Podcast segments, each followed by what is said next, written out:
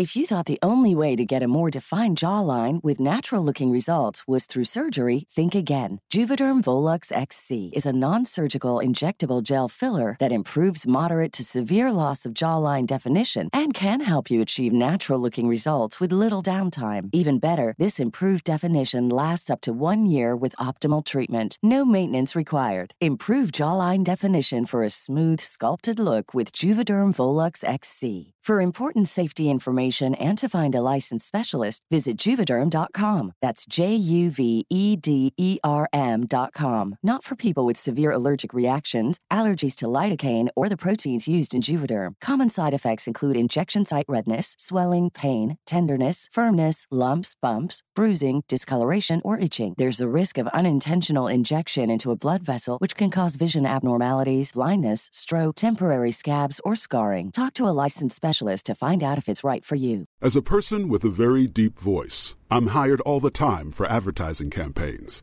But a deep voice doesn't sell B2B, and advertising on the wrong platform doesn't sell B2B either. That's why, if you're a B2B marketer, you should use LinkedIn ads. LinkedIn has the targeting capabilities to help you reach the world's largest professional audience.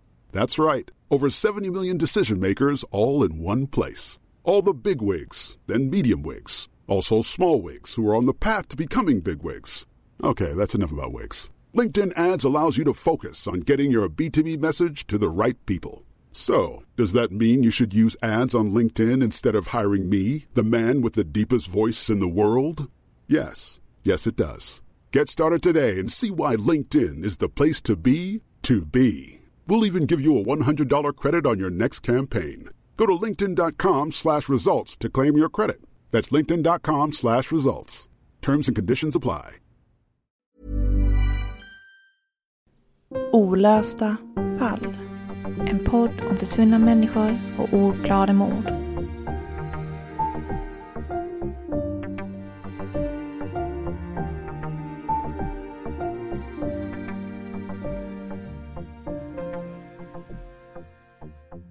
Vattenytan ligger blank mellan Lysekil och Grundsund. Det är tidig morgon och augusti och solen är på väg upp längs horisonten. En sval sensommarmorgon. Du drar in den lätta luften, smakar på den. Än finns sommarsmakarna kvar i den. Det är en lugn morgon. Du känner båten gunga stilla längs vattenytan när din blick fastnar på någonting en bit ut i vattnet. Vad är det som ligger där och guppar försynt i segelleden? När du kommer närmare ser du att det är en skotskrutig resväska. En makaber lukt sveper förbi. Där och då kan du aldrig ana vad du snart ska få se.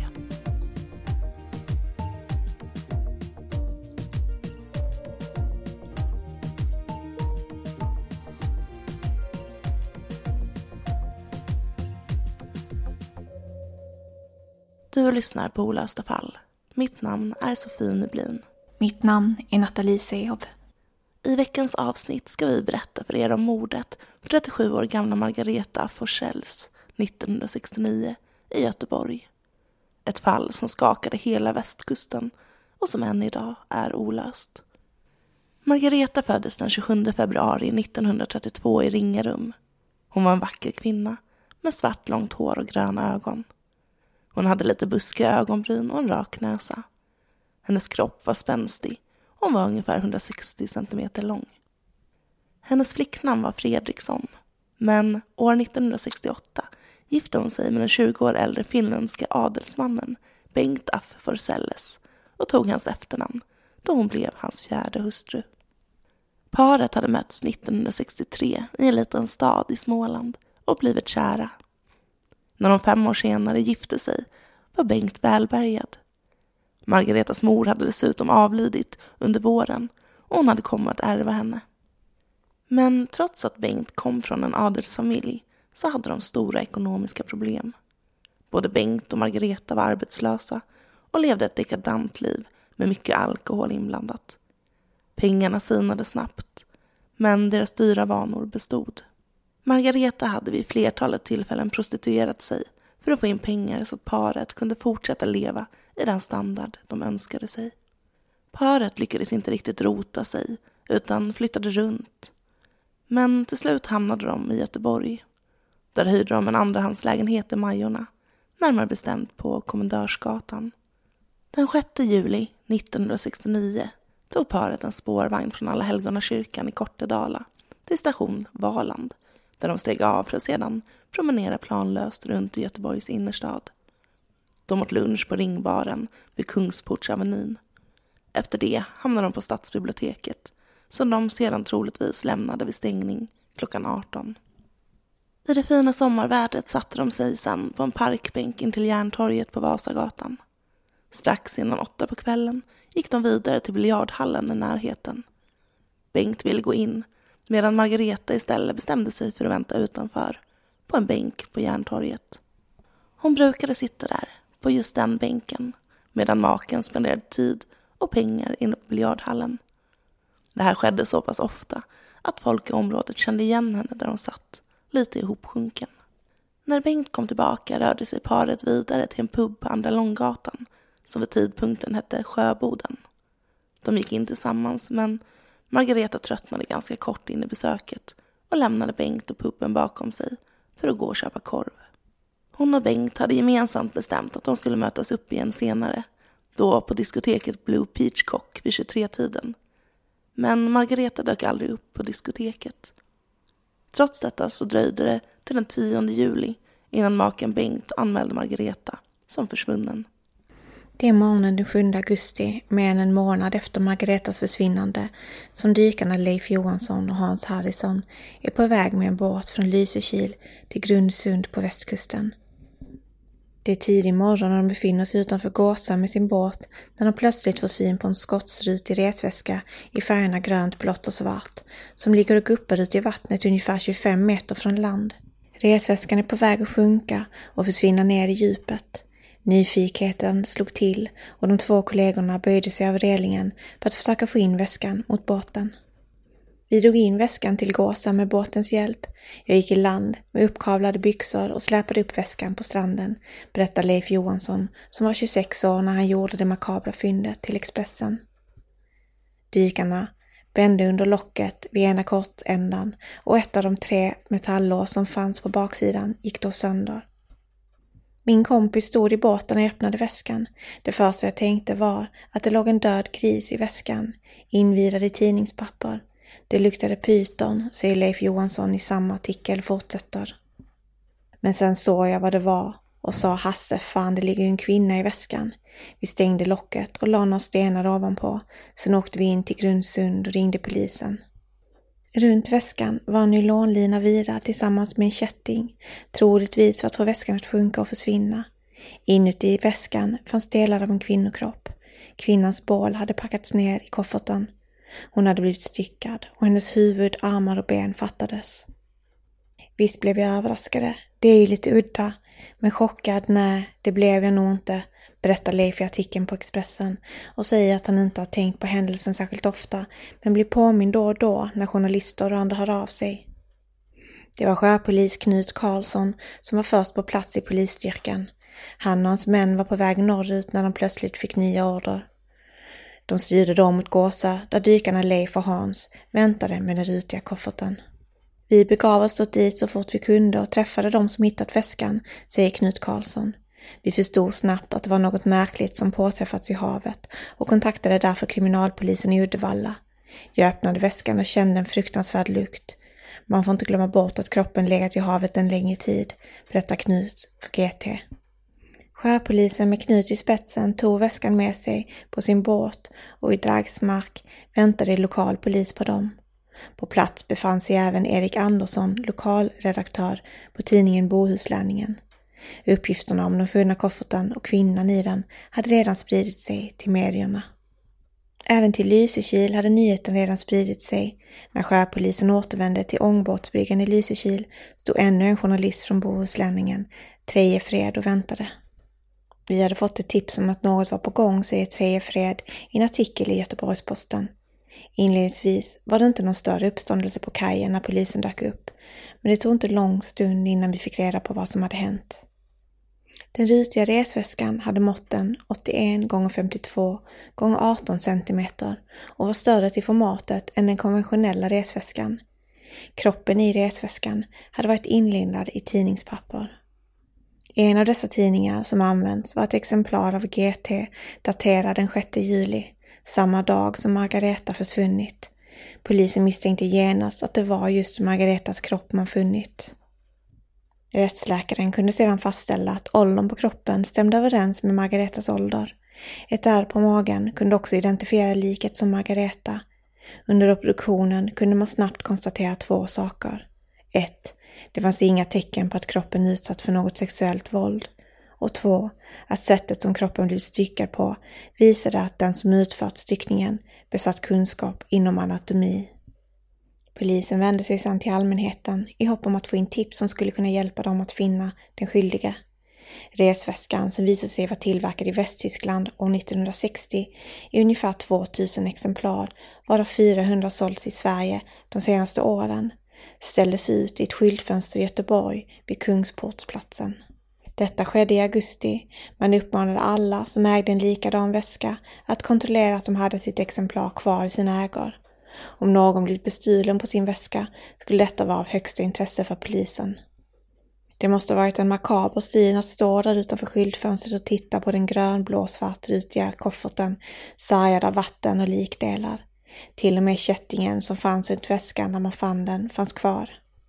Tejpsorten, en slags industritejp tillverkad av plastfolie som används runt kroppen och i väskan, visade sig vara ovanlig. Den ska inte ha varit tillverkad i Sverige. Vid tidpunkten jobbade 18 poliser från spaningshögkvarteret Göteborg intensivt med fallet. Det fanns även poliser i Lysekil som jobbade med att leta efter fynd i närområdet. Margaretas huvud, armar och ben fattades ännu. Polisen fick i sin jakt på tips in ett flertal olika vittnesmål.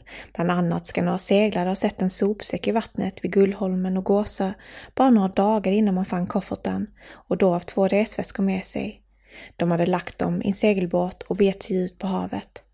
Även medierna fick in tips. Händelsen hade fått stor uppmärksamhet både i Sverige och utomlands.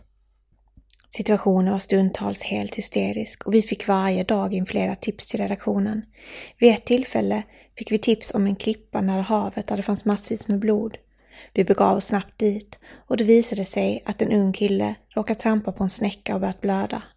Många av tipsen som vi tog emot hade anknytning till havet och handlade om mystiska saker som flutit i land, berättar journalisten Terje Fred för Göteborgs-Posten. I detta läge var polisens huvudspår att mördaren måste ha varit en bekant till Margareta. Och så plötsligt fick polisen in ett tips om en finsk man som ska ha pratat högt med sin bordsgranne på en bar i Göteborg om den försvunna kvinnan.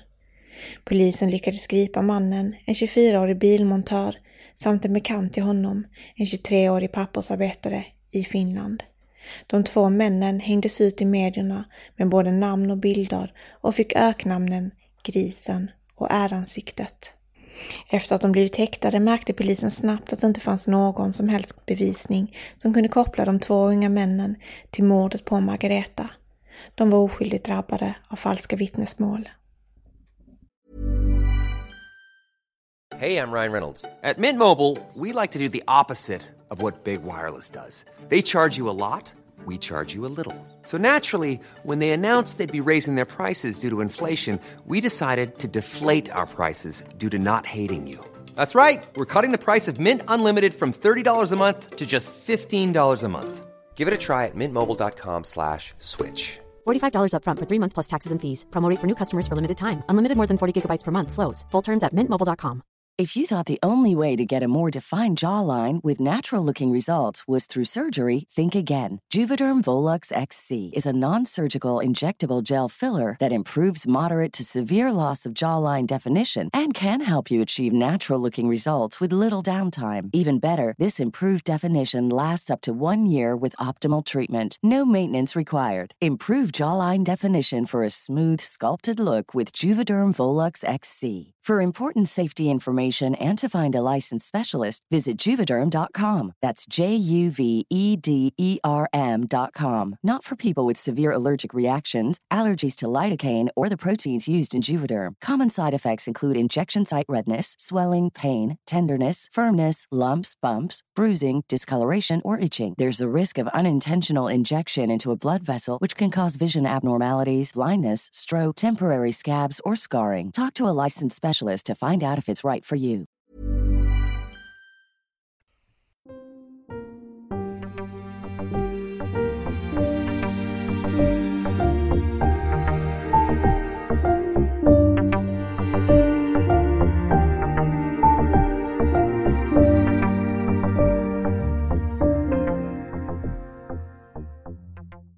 Ja du Nattis, eh, åren gick, men så plötsligt inkom det faktiskt ett nytt tips till polisen.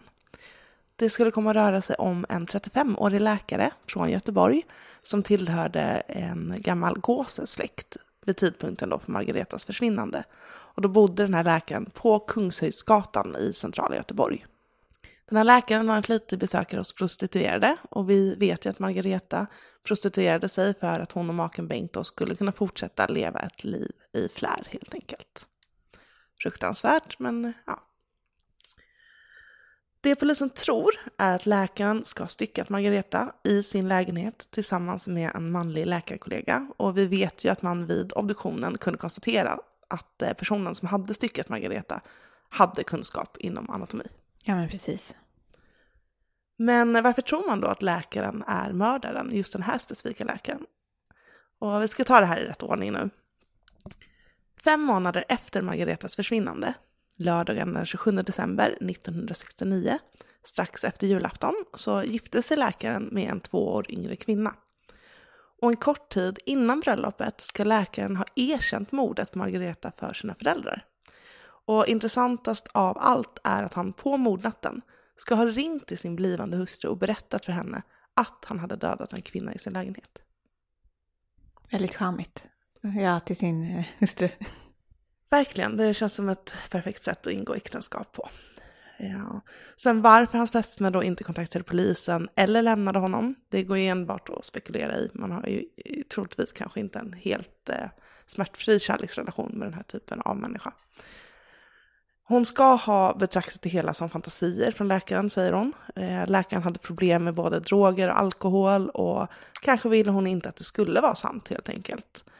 Eh, hon hade liksom sitt drömbröllop framför sig och kanske levde i någon form av förnekelse.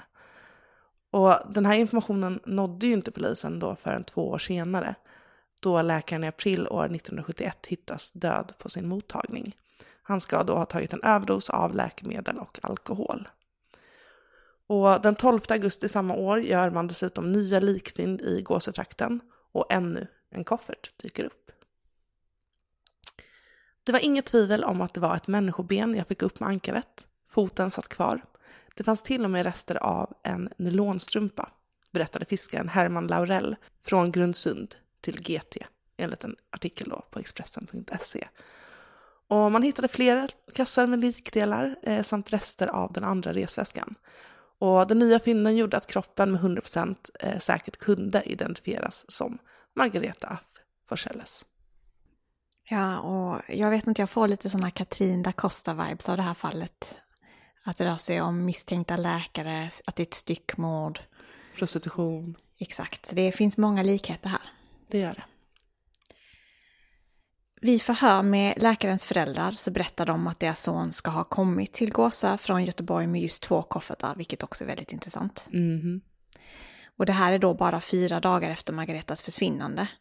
Så föräldrarna misstänkte redan då att sonen kunde vara inblandad i mordet och att de ska uppmuntrat honom att ta ansvar för sitt agerande och kontakta polisen då.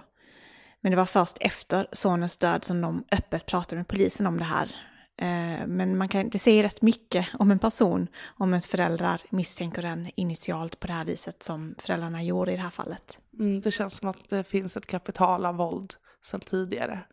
För som förälder, både du och jag, vet ju att ens barn är det första man värnar om. Liksom. Och att då ens kunna föreställa sig att ens barn, ens barn kan begå ett sånt här brott, då finns det någon form av historik. Ja, jag tror också det. Och, och, ja, och det är ju beklagligt att de kanske inte gick till polisen direkt, men det var ju bra att de i alla fall gjorde det eh, efter han hade avlidit. Att de ändå tog sitt förnuft till fånga och gjorde det och ja, pratade om vad de misstänkte helt enkelt. Mm. De berättar då för polisen att sonen senast faktiskt ska ha erkänt inblandningen för dem, så han ska också ha erkänt, vilket är ju väl, det gör ju honom väldigt misstänkt. Eh, han ska ha påstått att han har blivit tvingad att ta hand om kroppen, så att ja, vad han egentligen erkände, det är ju kanske inte själva mordet, men då att han har gjort sig av med kroppen och hjälpt till med det. Och att det då inte var han som hade bragt henne om livet. Även läkarens svåger ska ha fått historien berättad för sig av honom. Och enligt läkaren ska hans läkarkollega ha mördat Margareta och att han sen då enbart har hjälpt honom att röja liket. Mm. Svågern ska under förhör berättat den versionen han har fått höra, att Margareta ska ha varit uppe i läkarens lägenhet och både läkaren och den här kollegan till honom ska ha haft sex med Margareta. Och sen då ska kollegan ha mördat henne. Läkarkollegan hävdar dock att det var läkaren som mördade Margareta, så här blir det ord mot ord. Mm, vilket gör det väldigt svårt att utreda. Eh, och han menar då tvärtom, att han bara då ska blivit ombedd att hjälpa till att röja undan kroppen och att det inte var han som mördade henne. Men eh, han ska, enligt honom ska han ha vägrat det här och att han har åkt hem till Stockholm, så han anser då att han är oskyldig. Det finns viss bevisföring som kan peka på att läkarens historia innehåller en viss del sanning. Eh, det ena är då att läkarkollegan ska ha varit på besök från Stockholm natten mellan den 6 och 7 juli 1969, så där, det stämmer i alla fall. Och flera vittnen menar också att Margareta ska ha befunnit sig i läkarens lägenhet den kvällen. Det är också den kvällen han ringer till sin blivande hustru och berättar att han har en död kvinna i sin lägenhet. Vi kommer kanske aldrig få veta om det är läkaren eller läkarkollegan som bragt henne om livet, men någon, någon, av dem har gjort det och det har skett där. Mm. Så mycket kan vi säga, eller det är väldigt mycket som pekar på det i alla fall. Men det är ord mot ord som sagt och bevisföringen är sedan länge förstörd. På den misstänkta mordplatsen finns inget att hämta längre. Det, har, liksom, det hade gått två år när polisen fick reda på det här, så det var väldigt svårt för dem att, att säkra någon te mer teknisk bevisning. Mm. Eh, men det man kan bekräfta är att Margareta ska ha kvävts till döds. Kanske under en sexakt. Eh, som ett form av spel. Det är det polisen misstänker i alla fall. Det kan också varit en olyckshändelse att det var en sexakt som gick fel, om man säger så. Ehm, men om hon har mördats med avsikt så kan man heller inte klargöra vem det var som mördat henne. Och fallet går till historien som ännu ett olöst fall. Och oavsett vad kan man ju också tillägga att om det skulle vara en olyckshändelse så är det ju ändå ett brott som har begåtts. Man har styckat hennes kropp, man har gjort sig av med kroppen istället för att kontakta polisen att det här har hänt. Ja, det är brott mot gift, giftefriden ja, oavsett vad. det är det. Um, så att det hade man nog kunnat döma någon för oavsett vad, även om man inte hade vetat. Men man behöver ju veta vem som har utfört handlingen och det är det här med juridiken som blir det knepiga i det här fallet. Precis, och också att en av eh, de här två misstänkta personerna faktiskt är död. Mm. Så det blir ett väldigt knepigt fall. Ehm, oavsett vad, även om det inte är överlagt mord, så har man ju ändå dödat någon. Ja, och jag tänker att det här är det här är så hemskt för Margaretas anhöriga för att det blir liksom, de vet ju egentligen vem det är som ligger bakom det här men personen kan aldrig ställas inför rätta och det blir ju fruktansvärt att bara leva, alltså att de fick leva sitt liv med den här vetskapen. Mm. Att de vet vem det är som har antagligen bragt henne om livet men man kan inte göra någonting. Nej. Frustrerande. Det är verkligen dead end. Mm.